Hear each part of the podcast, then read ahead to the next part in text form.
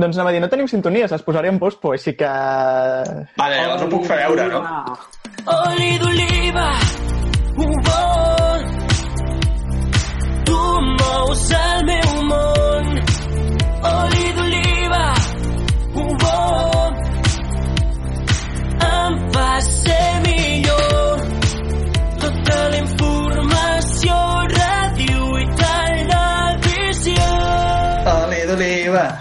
És millor que l'original. Amb aquesta introducció fantàstica i millorable, també bastant representativa dels temps que vivim, us saludem. Hola, arbequins! Què tal, Aleix? Què tal, Bruno? Com esteu? Quant de temps? Fa molt Ja. que no ens veiem, i ens Sí, veiem eh? així a través de pantalla, és una mica trist, la veritat, però bueno. Jo demano perdó a la gent, a nostra gente, perquè ens hem abandonat molt, molt temps. Tenim col·laboradors nous i tenim col·laboradors que ja estaven i segueixen amb nosaltres, començant pel el Bruno, en aquest cas, que ja està connectat. També l'Alejandra, que no pot estar amb nosaltres ara, però ha enviat un vídeo, i la Judit Montoy, que crec que sí que la tenim per aquí. Ole! Hola! Ara estem en igualtat de condicions, eh? Estem tots per videotrucada. Me sembla superbé. No, no, no, superbona idea. Sí, tenim també novetats que a mi em fa molta il·lusió. Ella és Anna Sánchez, que entri! Bona. Hombre, aquí la tenim. Com estem? Com estem? Molt bé, s'està aquí. No Com també estarà molt bé el Marc Lesan, que és el següent i no menys important. Què passa?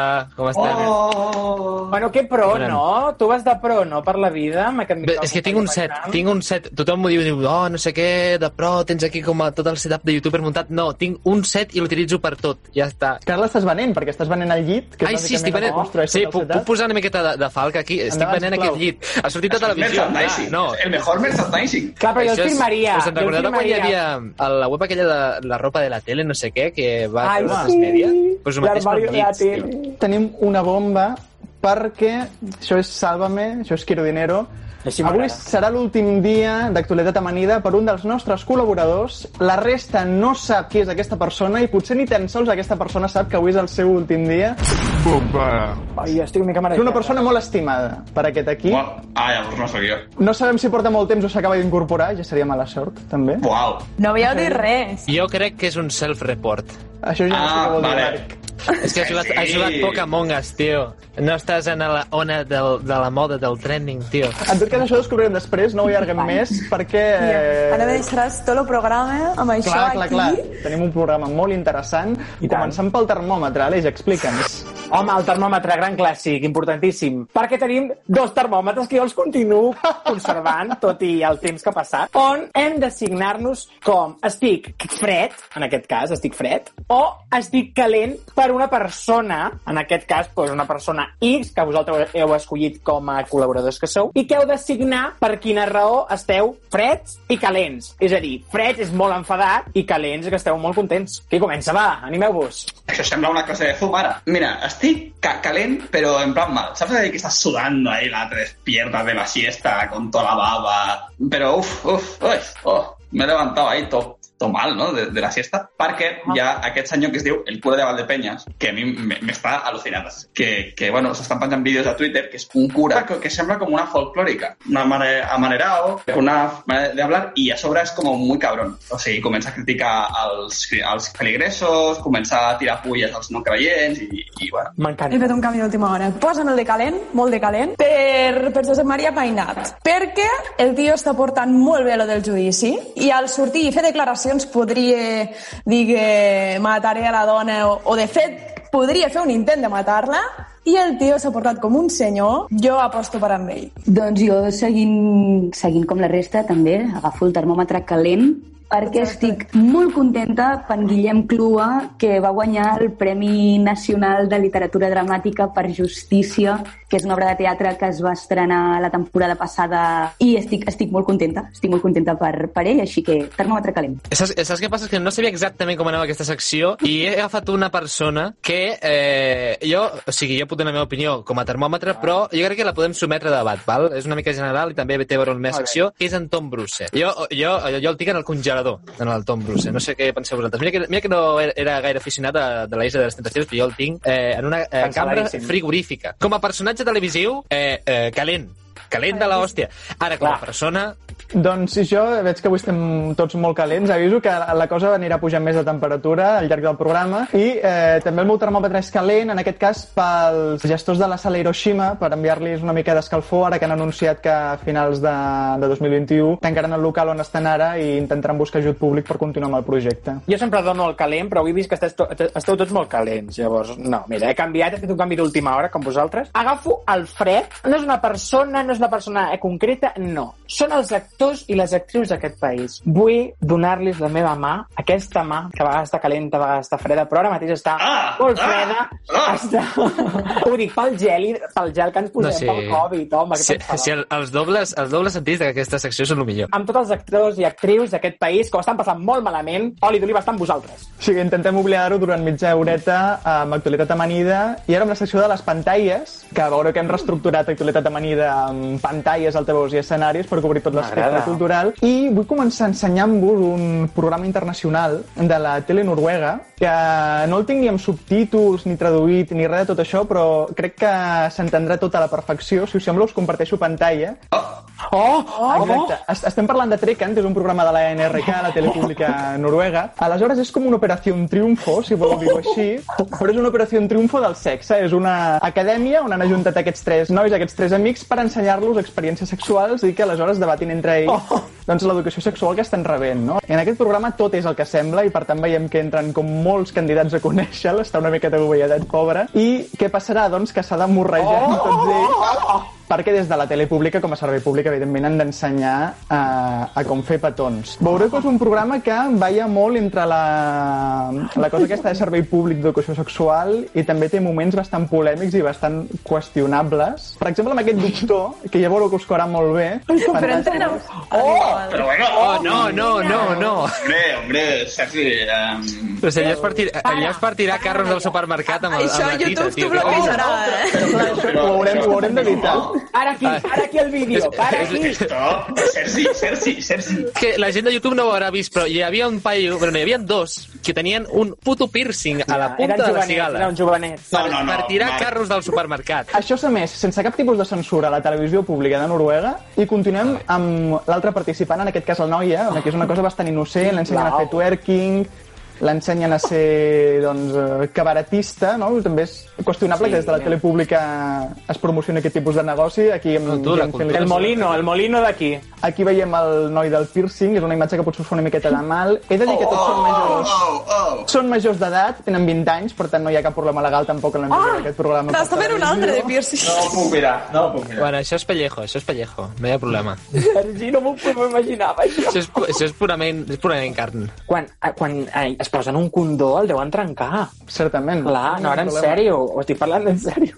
En aquest cas això és molt qüestionable, els hi fan tenir cites amb gent molt més gran que ells i fent-se un petó de comiat és un dels aspectes on el programa comença a ser una miqueta més qüestionable, no? Aquest servei públic comença a ser més debatible, no sé què penseu, si us incomoda. A veure quan TV3 que això s'emeti fa aquesta aposta. Em provoca una miqueta un, un, una cosa estranya, perquè em sembla superbé que a la televisió pública s'ensenyin aquestes coses en quant a educació sexual, en quant a entendre el sexe des, des de fora del, del típic tabú, però no, no, no tinc massa clar, no he entès massa bé si aquest programa està posat com una isla de les tentaciones, com un gran hermano, només per buscar el morbo, o està enfocat més cap a, cap a una educació on s'ensenya el sexe sense tabús? En aquest cas estan visitant el rodatge d'una pel·lícula porno i les actrius estan com intentant caure-li molt bé al noi, no diguéssim.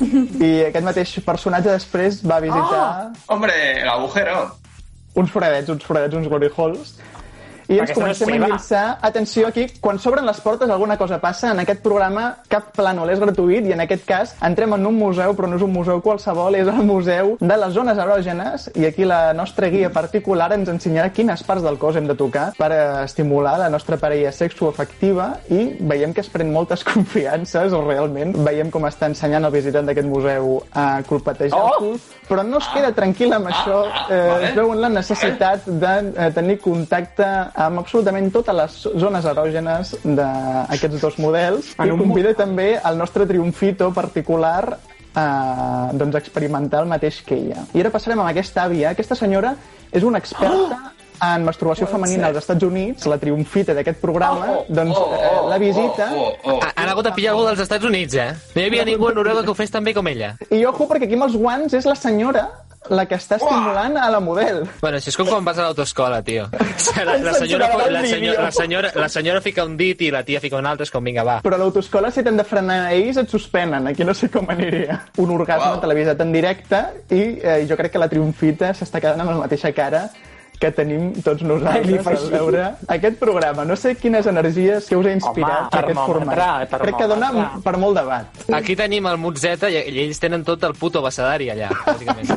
I és, és molt heavy, lo seu. Que ja us aviso que això a Noruega va despertar molta controvèrsia i van haver molts articles de diari criticant. Eh, també, no tot van ser flors i violes. A veure, jo crec que aquí no es parla el suficient i aquest tipus de programes aniria molt bé, però vaig una mica al que diu l'Anna, que no sé fins quin punt una televisió pública està volent fer més un espectacle mostrant aquests continguts o hi ha una educació al darrere, llavors s'hauria de veure i investigar. Jo crec que això ens, ens afecta molt més en el moment en què veiem parts del cos que no estem acostumats o acostumades a veure en televisió. I això ens costa molt. Per això crec que és un bon programa, per treure-li aquest tabú a totes aquestes coses. No, no només passa amb aquest programa el que jo comentava, sinó, per exemple, amb La Isla de les Tentaciones, que sé que sortirà després, més endavant i tal. És un programa molt interessant per parlar, per exemple, de relacions tòxiques o de, o de com, com gestionem les nostres relacions, però, com tot, depèn de com ho enfoquis, pot ser un programa molt interessant o telebasura. I a més està bé això, que, que hi hagi més eh, educació sexual. Aquí ja s'estan fent les primeres passes. Allà, bàsicament, jo crec que han fet tota la pista d'atletisme i, i més enllà cap a les graderies.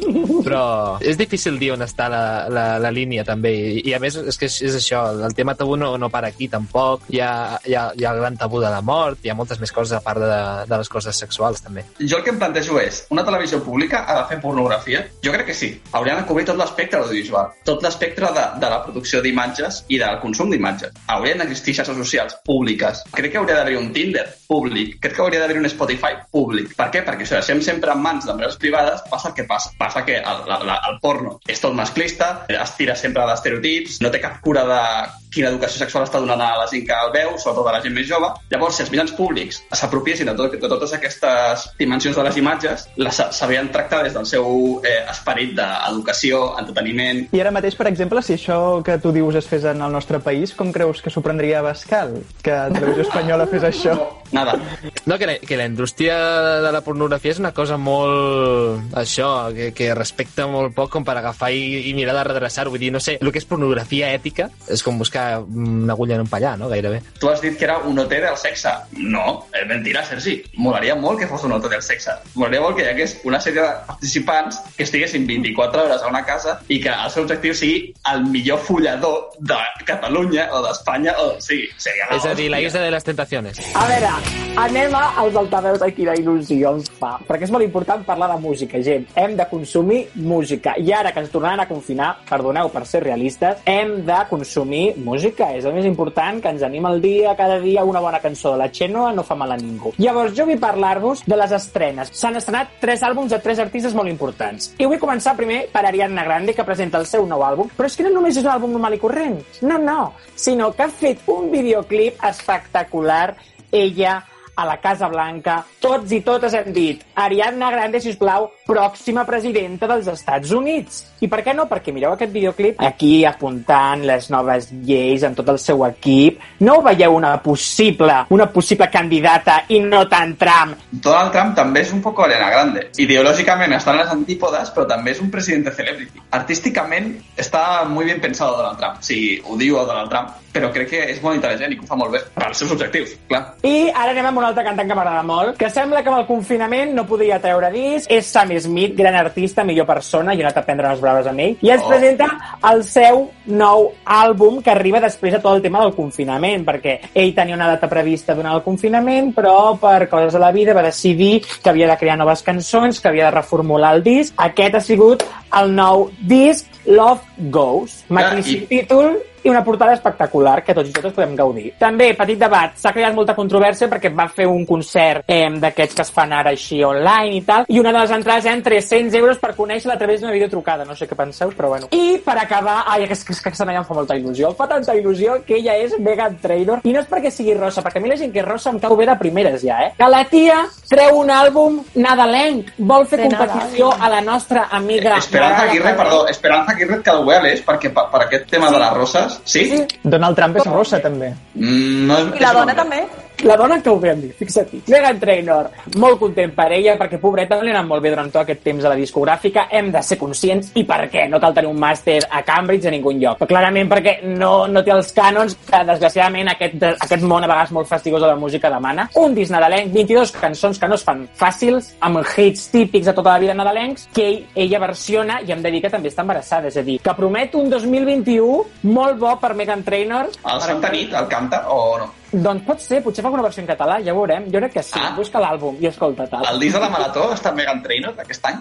No ho sé, per cert, ja parlem de Marató perquè el disc també és molt important de Marató. Gràcies, m'has dit Bé. una idea molt bona, Bruno. Ah. Doncs això, consumim música, gent, que és molt important. I també és molt important la música en els espectacles, en els escenaris. Sense música, què faríem, Anna? Ara, ara parlarem d'això perquè és que malauradament als escenaris la cosa no va el que diríem especialment bé. Tot i que les mesures es compleixin molt estrictament, perquè als escenaris tenim distàncies, tenim gels, tenim mascaretes, tenim entrades esglaonades, doncs bé, han cregut que, que sí, que és un focus eh, de Covid molt important i que havien de tancar. I les dades ho deien, no? Quasi un 0%, Sí. pràcticament zero. Sí, un, Oi? un cas, un, un cas de rebrot eh, en els dos mesos que porten oberts, ni dos mesos, i que van estar eh, quatre o cinc mesos tancats, i que l'estiu normalment no és massa temporada de fer espectacles. Vull dir que porten una temporadeta, mm, pobrets, que, que tela. Això ens dona encara més motius per poder parlar de teatre i per poder parlar de cultura. Així que farem un repàs molt, molt, molt, molt ràpid d'unes quantes peces teatrals que, malauradament, segurament no podrem veure, però no passa res. Parlarem d'elles, els hi donarem veu i els hi donarem molt de suport des d'aquí. Les anomenarem com el científic aquell que calculava eh,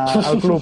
Sí, sí, molt, molt, molt ràpid. Per una banda parlarem de Balada per un home mort que es feia a l'Almeria Teatre de Stanislau i Je- Jesús Orcajo, que parlava de, de la vida d'Òscar Wilde. De fet, era una adaptació d'un musical que estava fins al 15 de novembre i em sembla que, que si tot va bé són 15 dies, obren el dia 13, així que si tot anés bé i els teatres tornessin a obrir, tindríem dos dies per poder-ne anar a veure. I d'altra banda, jo tinc una espineta clavada en una obra de teatre que havia d'anar a veure el cap de setmana passat i no vaig poder anar, i de fet em vaig comprar entrades per la setmana següent, que és el combat del segle a la sala Beckett de la Denise Duncan. És la història del boxejador Jack Johnson i el seu combat, que més que del segle és etern contra el racisme, tota la seva història. Una obra de teatre molt interessant i molt ben feta, amb una direcció espectacular, que malauradament no sé jo si podrem seguir veient. Una obra que ja estava programada per la temporada passada i no es va poder veure i que aquesta temporada s'ha quedat a mitges. Però bueno, hi ha obres que it no tenim massa clar si ja d'entrada s'arribaran a estrenar, com és el cas del metro de, del metro de Gronholm, que torna aquest cop al poliorama sota la direcció de Sergi Balbel, aquest text de Jordi, Jordi Galceran que es va estrenar ara fa 17 anys, el 2003, que s'havia d'haver estrenat el 5 de novembre i tenia uns actors i unes actrius espectaculars. Jo no tinc massa esperança, però també he de dir que, que era una obra que tenia moltes ganes de veure. De fet, li he comentat a en Sergi que havia passat un molt mal dia per culpa de les, de les notícies. I si m'he posat a plorar i tot, imagineu-vos. Bueno, duri el que duri el tancament dels teatres, una cosa està clara, i és que el suport a la cultura no ha de minvar mai. Ni ara, ni fa 5 anys, ni d'aquí 10 anys. Així com l'amor que tenim cap a la cultura. Recordem, per tant, com ha dit abans l'Aleix, que la cultura per sobre de tot és segura i és molt necessària. Perquè si ens confinen, la trobarem a faltar. L'Alejandra Sánchez, que és la nostra companya d'Oliva Feminista, que avui no pot estar amb nosaltres perquè té altres obligacions laborals, està Oh. fent el seu programa de feminismes a Ràdio 4, així que no està amb nosaltres, però una bona notícia. Connectem amb ella en directe. Connectem amb ella en rigorosíssim fals directe perquè ens ve a parlar de, de la Rosalia, atenció. Hola a tots, arbequins i arbequines, sóc l'Alejandra Sánchez i no sabíeu quines ganes tenia de tornar a fer Oliva Feminista. I avui, per començar aquest primer programa de la represa d'actualitat amanida, el que faré serà començar amb bon peu i parlar de la que és probablement la persona més important d'aquest país, que no és ni Quim Torra ni Pere Aragonès, sinó que és la Rosalia. De Rosalía. Si sou fans de la Rosalia, ja sabreu que ella recentment ha participat en un remix d'una cançó que ha sonat aquest estiu per tot arreu, que és Relación Remix, una cançó que sona així. Ahora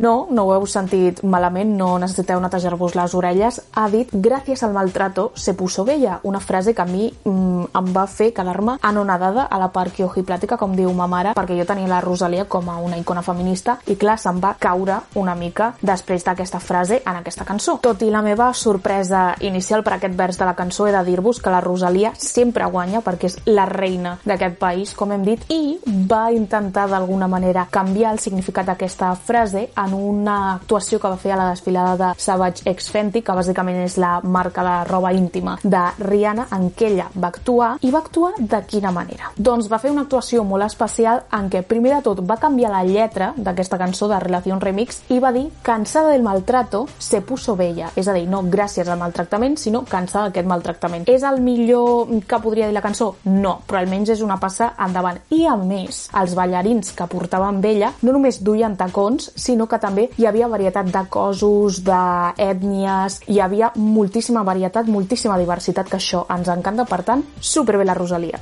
Todo cambió, toca ella. Mari y una botella, cansa del maltrato, se puso bella.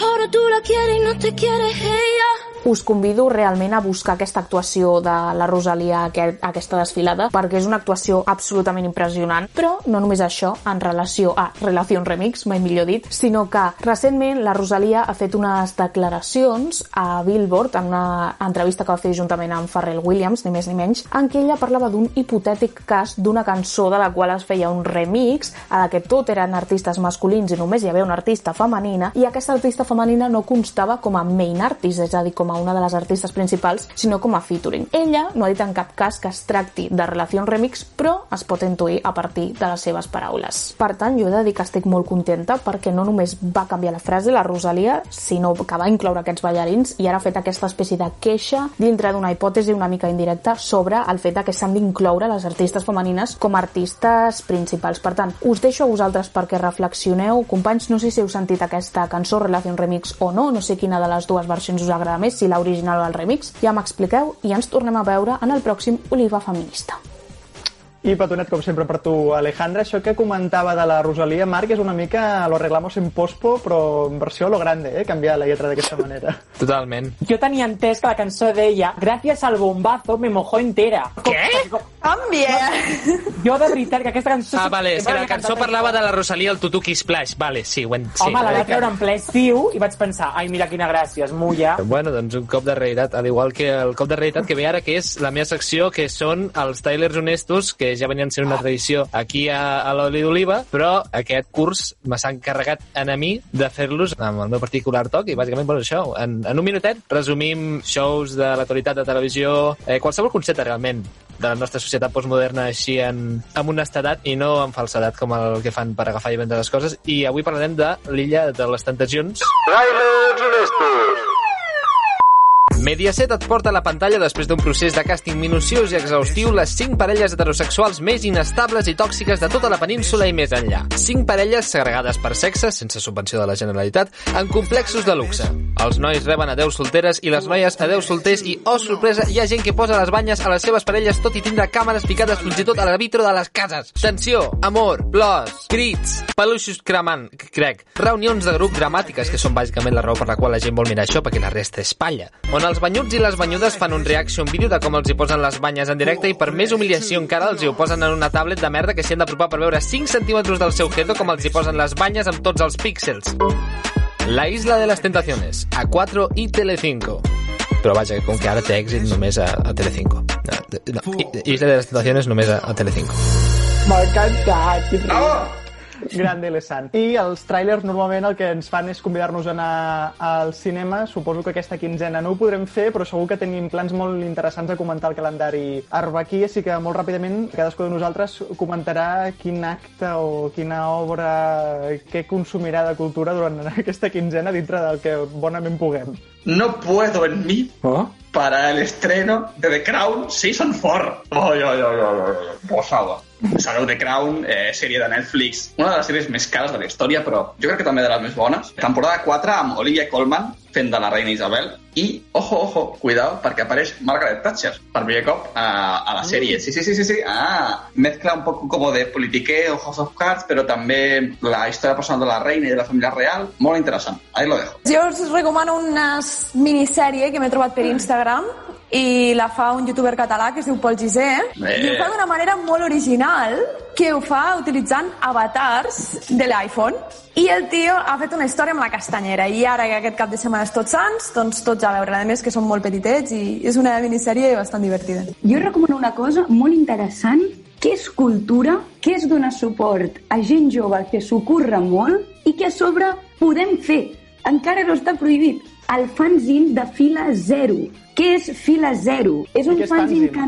I què Ah, és fanzine? sí. Tothom sap què és un fanzine. Un, un fanzine és, és uh, un petit llibretet on a part de, de doncs, eh, notícies i a part d'haver coses, doncs es parla de, de tot això i es parla de cultura. Bé, doncs el 4 de novembre ja podrem tenir en, en físic a les nostres mans aquest fanzine que es diu Fila Zero, que l'han creat joves de Nova Veu. Nova Veu és un grup jove de recomana.cat que està molt centrada doncs, en tot el que són les arts escèniques i han, han creat aquest fanzine, totes elles, doncs, per, per promocionar tot el que és la cultura i per tirar endavant totes les seves idees i tota, totes les seves maneres d'expressar d'expressar aquesta, aquesta cultura. Jo us ho recomano molt perquè té molt bona pinta i ara, tal i com estan les coses, crec que serà la poca cultura que podrem consumir. Un Bé, comentari. no tope, a estamos- tope. No, no estamos acostumbrados a esto. Lesan, igualamelo. No, no puc. Eh, el que sí que havia posat com a recomanació escrit era un, un especial de comèdia que vaig veure fa poc. A Netflix la podeu trobar. Neil Brennan, Three Mics, un espectacle de stand-up d'una hora, un especial que fa, on té tres micròfons, un per one-liners, acudits d'un- d'una línia, un per stand-up, comèdia stand-up normal, i un altre per eh, moments on eh, parla amb més profunditat. Un moment, això no és la llama, ¿vale? Això no és el podcast de la llama, t'has confós, Eh. estem a Oli d'Oliva... que, que m'hi pitgi també a la llama, no? Així faig una miqueta de pluriempleo. I, a part, una cosa que és, jo crec que és l'única cosa que és una certesa mateix a Catalunya és que continuarà la segona temporada de Brico Heroes, una de les apostes de la Corporació Catalana en Programació Online, que continua i està patant. L'últim episodi va entrar en el top 30 de tendències a tot Espanya. Poca broma. Molt bé. Doncs mentre, mentre Brico Heroes triomfa, el que he llegit jo avui és que Bricomania se l'han patat de nova per les retallades de 3 Media durant la crisi existia. del Covid. Encara existia i s'han patat Bricomania, no sabem controlar. Ai, quina llàstima. Doncs mira, us recomano que els dimecres el que hem de fer és anar a Antena 3 a mirar Mas Singer, on els Javis, juntament amb el José Mota i una gran persona encantadora, simpatiquíssima, que em cau superbé i se'm nota la cara, Malú, estaran esbrinant quins artistes s'amaguen darrere d'unes caretes presentat per Arturo, Arturo Valls i que diuen que prometi molt. Jo anava a recomanar que el Carlos Latre torna a Barcelona amb un espectacle d'imitacions aquest 4 de novembre amb One Man Show, però clar, no, no acabarà passant per tot això del Covid. Aleshores anava a recomanar també veure Mask Singer, però m'ho ha tret l'Aleix. Aleshores, Ai, Sergi, em sap molt de greu. ja no, ja no sé què em queda per recomanar. Mira, us recomano que mireu el 3 de novembre Mr. Trump, disculpe les molèsties, que és un documental del Jordi Évole sobre el Donald Trump i ho emeten el mateix dia de les eleccions als Estats Units. I continuem amb coses terrorífiques a l'eix perquè ara hi haurà algú d'actualitat amanida que passarà molta por. Clar, és que abans hem dit que hi havia una bomba en el programa. Avui és l'última actualitat amanida d'un dels nostres col·laboradors. I només pot ser el Bruno o la Judit. Clar, són els dos que queden. Els altres ja sabem que tenen secció durant aquesta temporada. Clar, És cierto. són els que continuen, són els que han passat la primera fase del càsting de Noemí Galera. Hem de desvetllar qui és aquesta persona, però no vull dir-ho jo, que em fa cosa. És que jo, si no hi, no hi sobre, no, no m'ho crec, saps? Els arbequins han decidit que la persona que abandoni, quines cares de por, que la persona que abandoni actualitat amanida amb un 100% dels vots, Oh, joder! perquè de Ah, fet només, Jo n'he votat, eh? Jo n'he votat, eh? de fet només ho Ja, ha votat ja, segur. Només ho ha votat una persona i ara sabrem quina persona ho ha votat i per què. Aquest expulsat és, i em sap molt de greu dir-ho, el Bruno Gallardo. Oh, qué pena. Explica'ns, Bruno, perquè ets tu el que has votat marxar, ets tu l'espectador Eh, que ha sí. votat anar-se'n d'actualitat amanida. A on te'n vas? Aquesta és la pregunta. Ara em sento culpable. És que eres muy zorro, perquè m'has vingut a fer venir aquí al, al primer programa de la nova temporada per estar ahí tan bien, tan bien con vosotros, parlant, jo, que guai, aquí, amb la Judit, amb Anna, amb Marc, i, i ara me toca. ¿Y eso por Vale. qué? ¿Por qué nos dejas, Bruno? Clar, aquí, aquí està la pregunta. Per què? No? Ha estat molt bé. Jo m'he passat superbé aquests, aquest, bueno, ja, anys, no podríem dir. O sigui, ha estat superbé. Eh, ha sigut en la meva primera aventura, realment, el meu primer podcast, la meva primera cosa que feia audiovisual. O sigui que, jope, quin bon lloc per començar. Ha estat superguai, crec que li hem donat un punt de vista nostre. Crec que sempre ha sigut una cosa que ens ha agradat fer. Una cosa que hem fet pensant, jope, això ens ho escoltaríem. Estem orgullosos del que estem fent i el nostre punt de vista està en aquesta cosa i la nostra personalitat està en aquesta cosa. Sí que està molt bé. Però jo, en mi afán de protagonismo, he dit, però jo quiero hacer lo mío. Així que crec que deixaré d'estar amb vosaltres, una llàstima, i intentaré fer algun projecte meu. Ya sabréis de mí, o no, no lo sé, a lo mejor no hago nada y, y ya, y ya está. Però sí, la idea és eh, començar a fer coses jo i, i coses que porti jo només i amb gent meva. I bueno, ja veurem, però segur que us convidaré a tots quan ho peti molt el meu programa de, jo què sé, de algo, de Ch- Ch- Chonfrin, que serà la, la nova xarxa social que sortirà dintre de poc, de ballar amb cactus. Serà una xarxa social només de ballar amb cactus i, i faré, tindré un programa allà. O sigui que si voleu venir, ja esteu convidat. No he plorat, gràcies. Aleix, no has plorat. No, has és que clar, a mi, a mi aquestes despedides m'agrada molt fer-les en directe, en persona, per fer el típic Sí, moment sí, de... ja, ja, ja. Sí, home, he plorat al principi. He tingut una llagrimeta, Bruno. I, I no estàs parlant, no estàs parlant del que hauríem d'estar parlant. Però Bruno, no estàs perquè tu i jo ens continuarem veient. Expliqueu, ara, ara s'ha d'explicar ja. Sí, sí, s'ha d'explicar. A veure, Judit, tu ets molt salvament. S'ha d'explicar, s'ha Secret d'explicar. aquí no. Eh, no, res, l'Aleix i jo vam fer match a Tinder. De nou, hem fet maig de nou, perquè el Um. Sergi ja sap que, que en, el, en un, un matí va passar que, que vam coincidir. Jo vull Però no em vas arribar a parlar això. mai, Bruno. No No, no, no, mai. no t'he arribat a parlar mai. No. Doncs no sé a què esperes. Tinc, és que tinc una tècnica que bàsicament és l'escova, que és donar-li like a tothom perquè estic solísimo. O sigui, a les 3 del matí, Tinder, like a tot Ja, el mundo. ja en parlarem en privat. En aquest cas estem buscant un comprador pel llit del Marc Espera, espera, no, no, Sergi, una parella per Bruno, Aleix. podem unir les dues No, no. coses i utilitzar-ho a la vegada. Bruno, jo veig la teva habitació molt buida, tio. Tu el que Has de vols venir aquí jo és a fer-te companyia. i un llit. És cert, perquè sóc una persona miserable, que, que no vol invertir ni un minut de la seva vida en posar una mica d'alegria en, en, en la nada. Però no, Aleix, vull que diguis Però la no vols frase que, ens, de... vols que ens confinem junts? Vull que diguis la frase de Chelo García Cortés, la, la, la de Bárbara Rey. Chelo, te lo tengo que decir, es una pena que a mí no me gusten las mujeres porque yo hubiera sido muy feliz contigo. Pero tú y yo tuvimos una noche de amor juntas. Ai, és veritat! Doncs Bruno, eh, has aportat un punt de vista molt interessant a Oli d'Oliva i quan em vas dir que marxaves també em vas dir una altra cosa que era si veig que pugeu molt en seguidors i us verifiquen, tornaré, així que et, et prenc la paraula i espero la teva tornada espero la teva tornada algun dia, Bruno que ho Clar, no tinc escrúpols. O sigui, si això passa a ser un nou format d'aquest del Musteta, jo aquí em teniu, eh? Clar. I jo també vull dir una cosa, Bruno, ara en sèrio. Haig de dir que va ser Sergi la primera persona que va arribar i que va ser un, una relació oberta. És a dir, tu i érem un matrimoni i, i va arribar a aquesta petita rateta. Llavors, se li agafa carinyo, se li agafa carinyo perquè vulgui no tenir-lo tots els dies allà, doncs s'agafa carinyo i Bruno ha sigut un plaer, en sèrio, t'ho dic de veritat. Igualment, igualment. Jo coneixia el Sergi, som companys d'universitat, i, però no coneixia l'Aleix i, bueno, va ser... O sigui, L'hem passat bé. sí, molt, molt, molt. i ara som família nombrosa I tant, ara tenim ja fills i tot adoptats. Sóc adoptat? Sí, carinyo, ja t'ho explicarem. la que està molt tranquil·la ara és la Judit perquè ja s'ha assegurat que tindrà secció durant tota aquesta temporada Molt bé, Jordi, ben fet. Sí, sí, sí. De fet, ho havia celebrat, de fet, ho havia celebrat, però després m'ha sabut molt greu.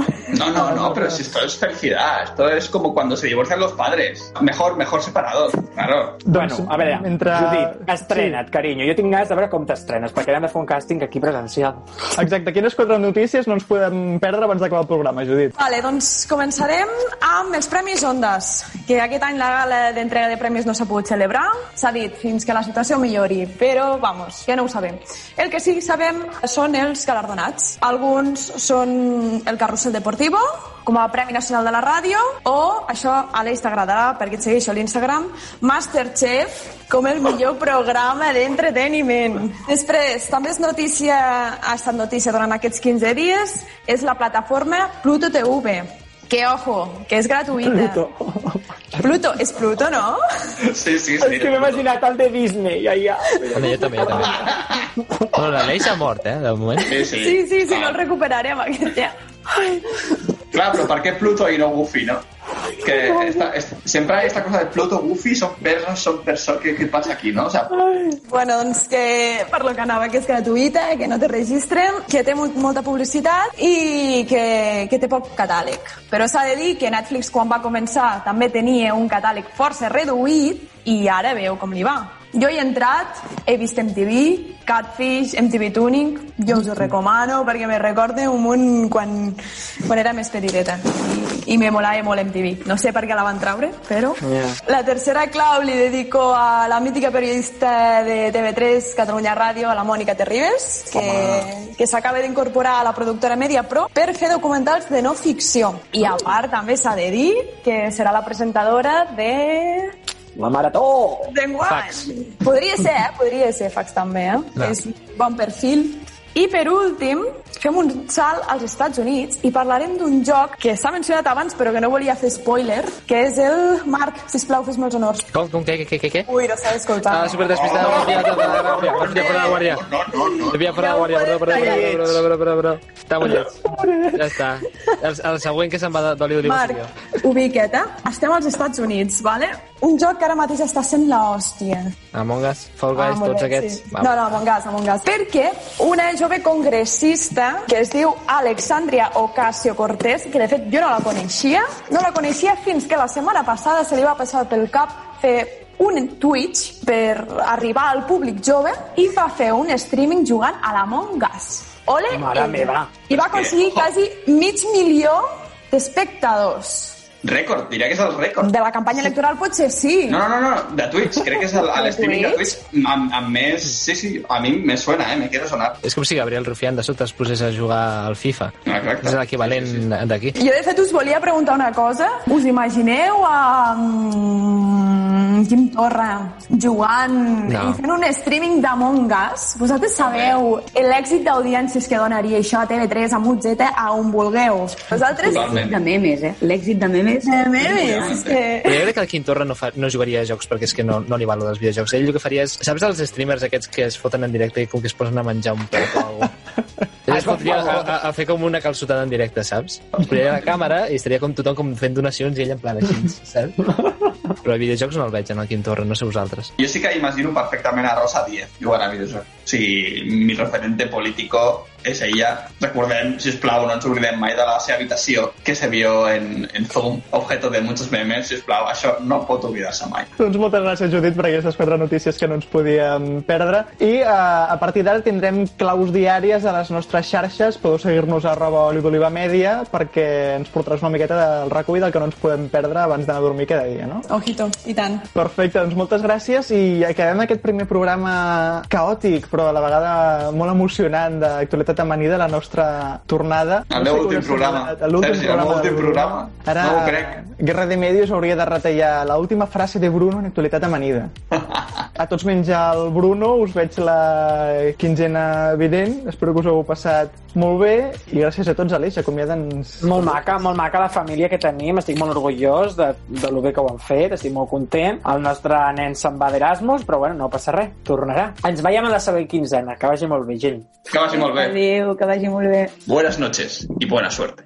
Volíem ser arbequins, fluir com l'oli d'oliva. Teatre i música.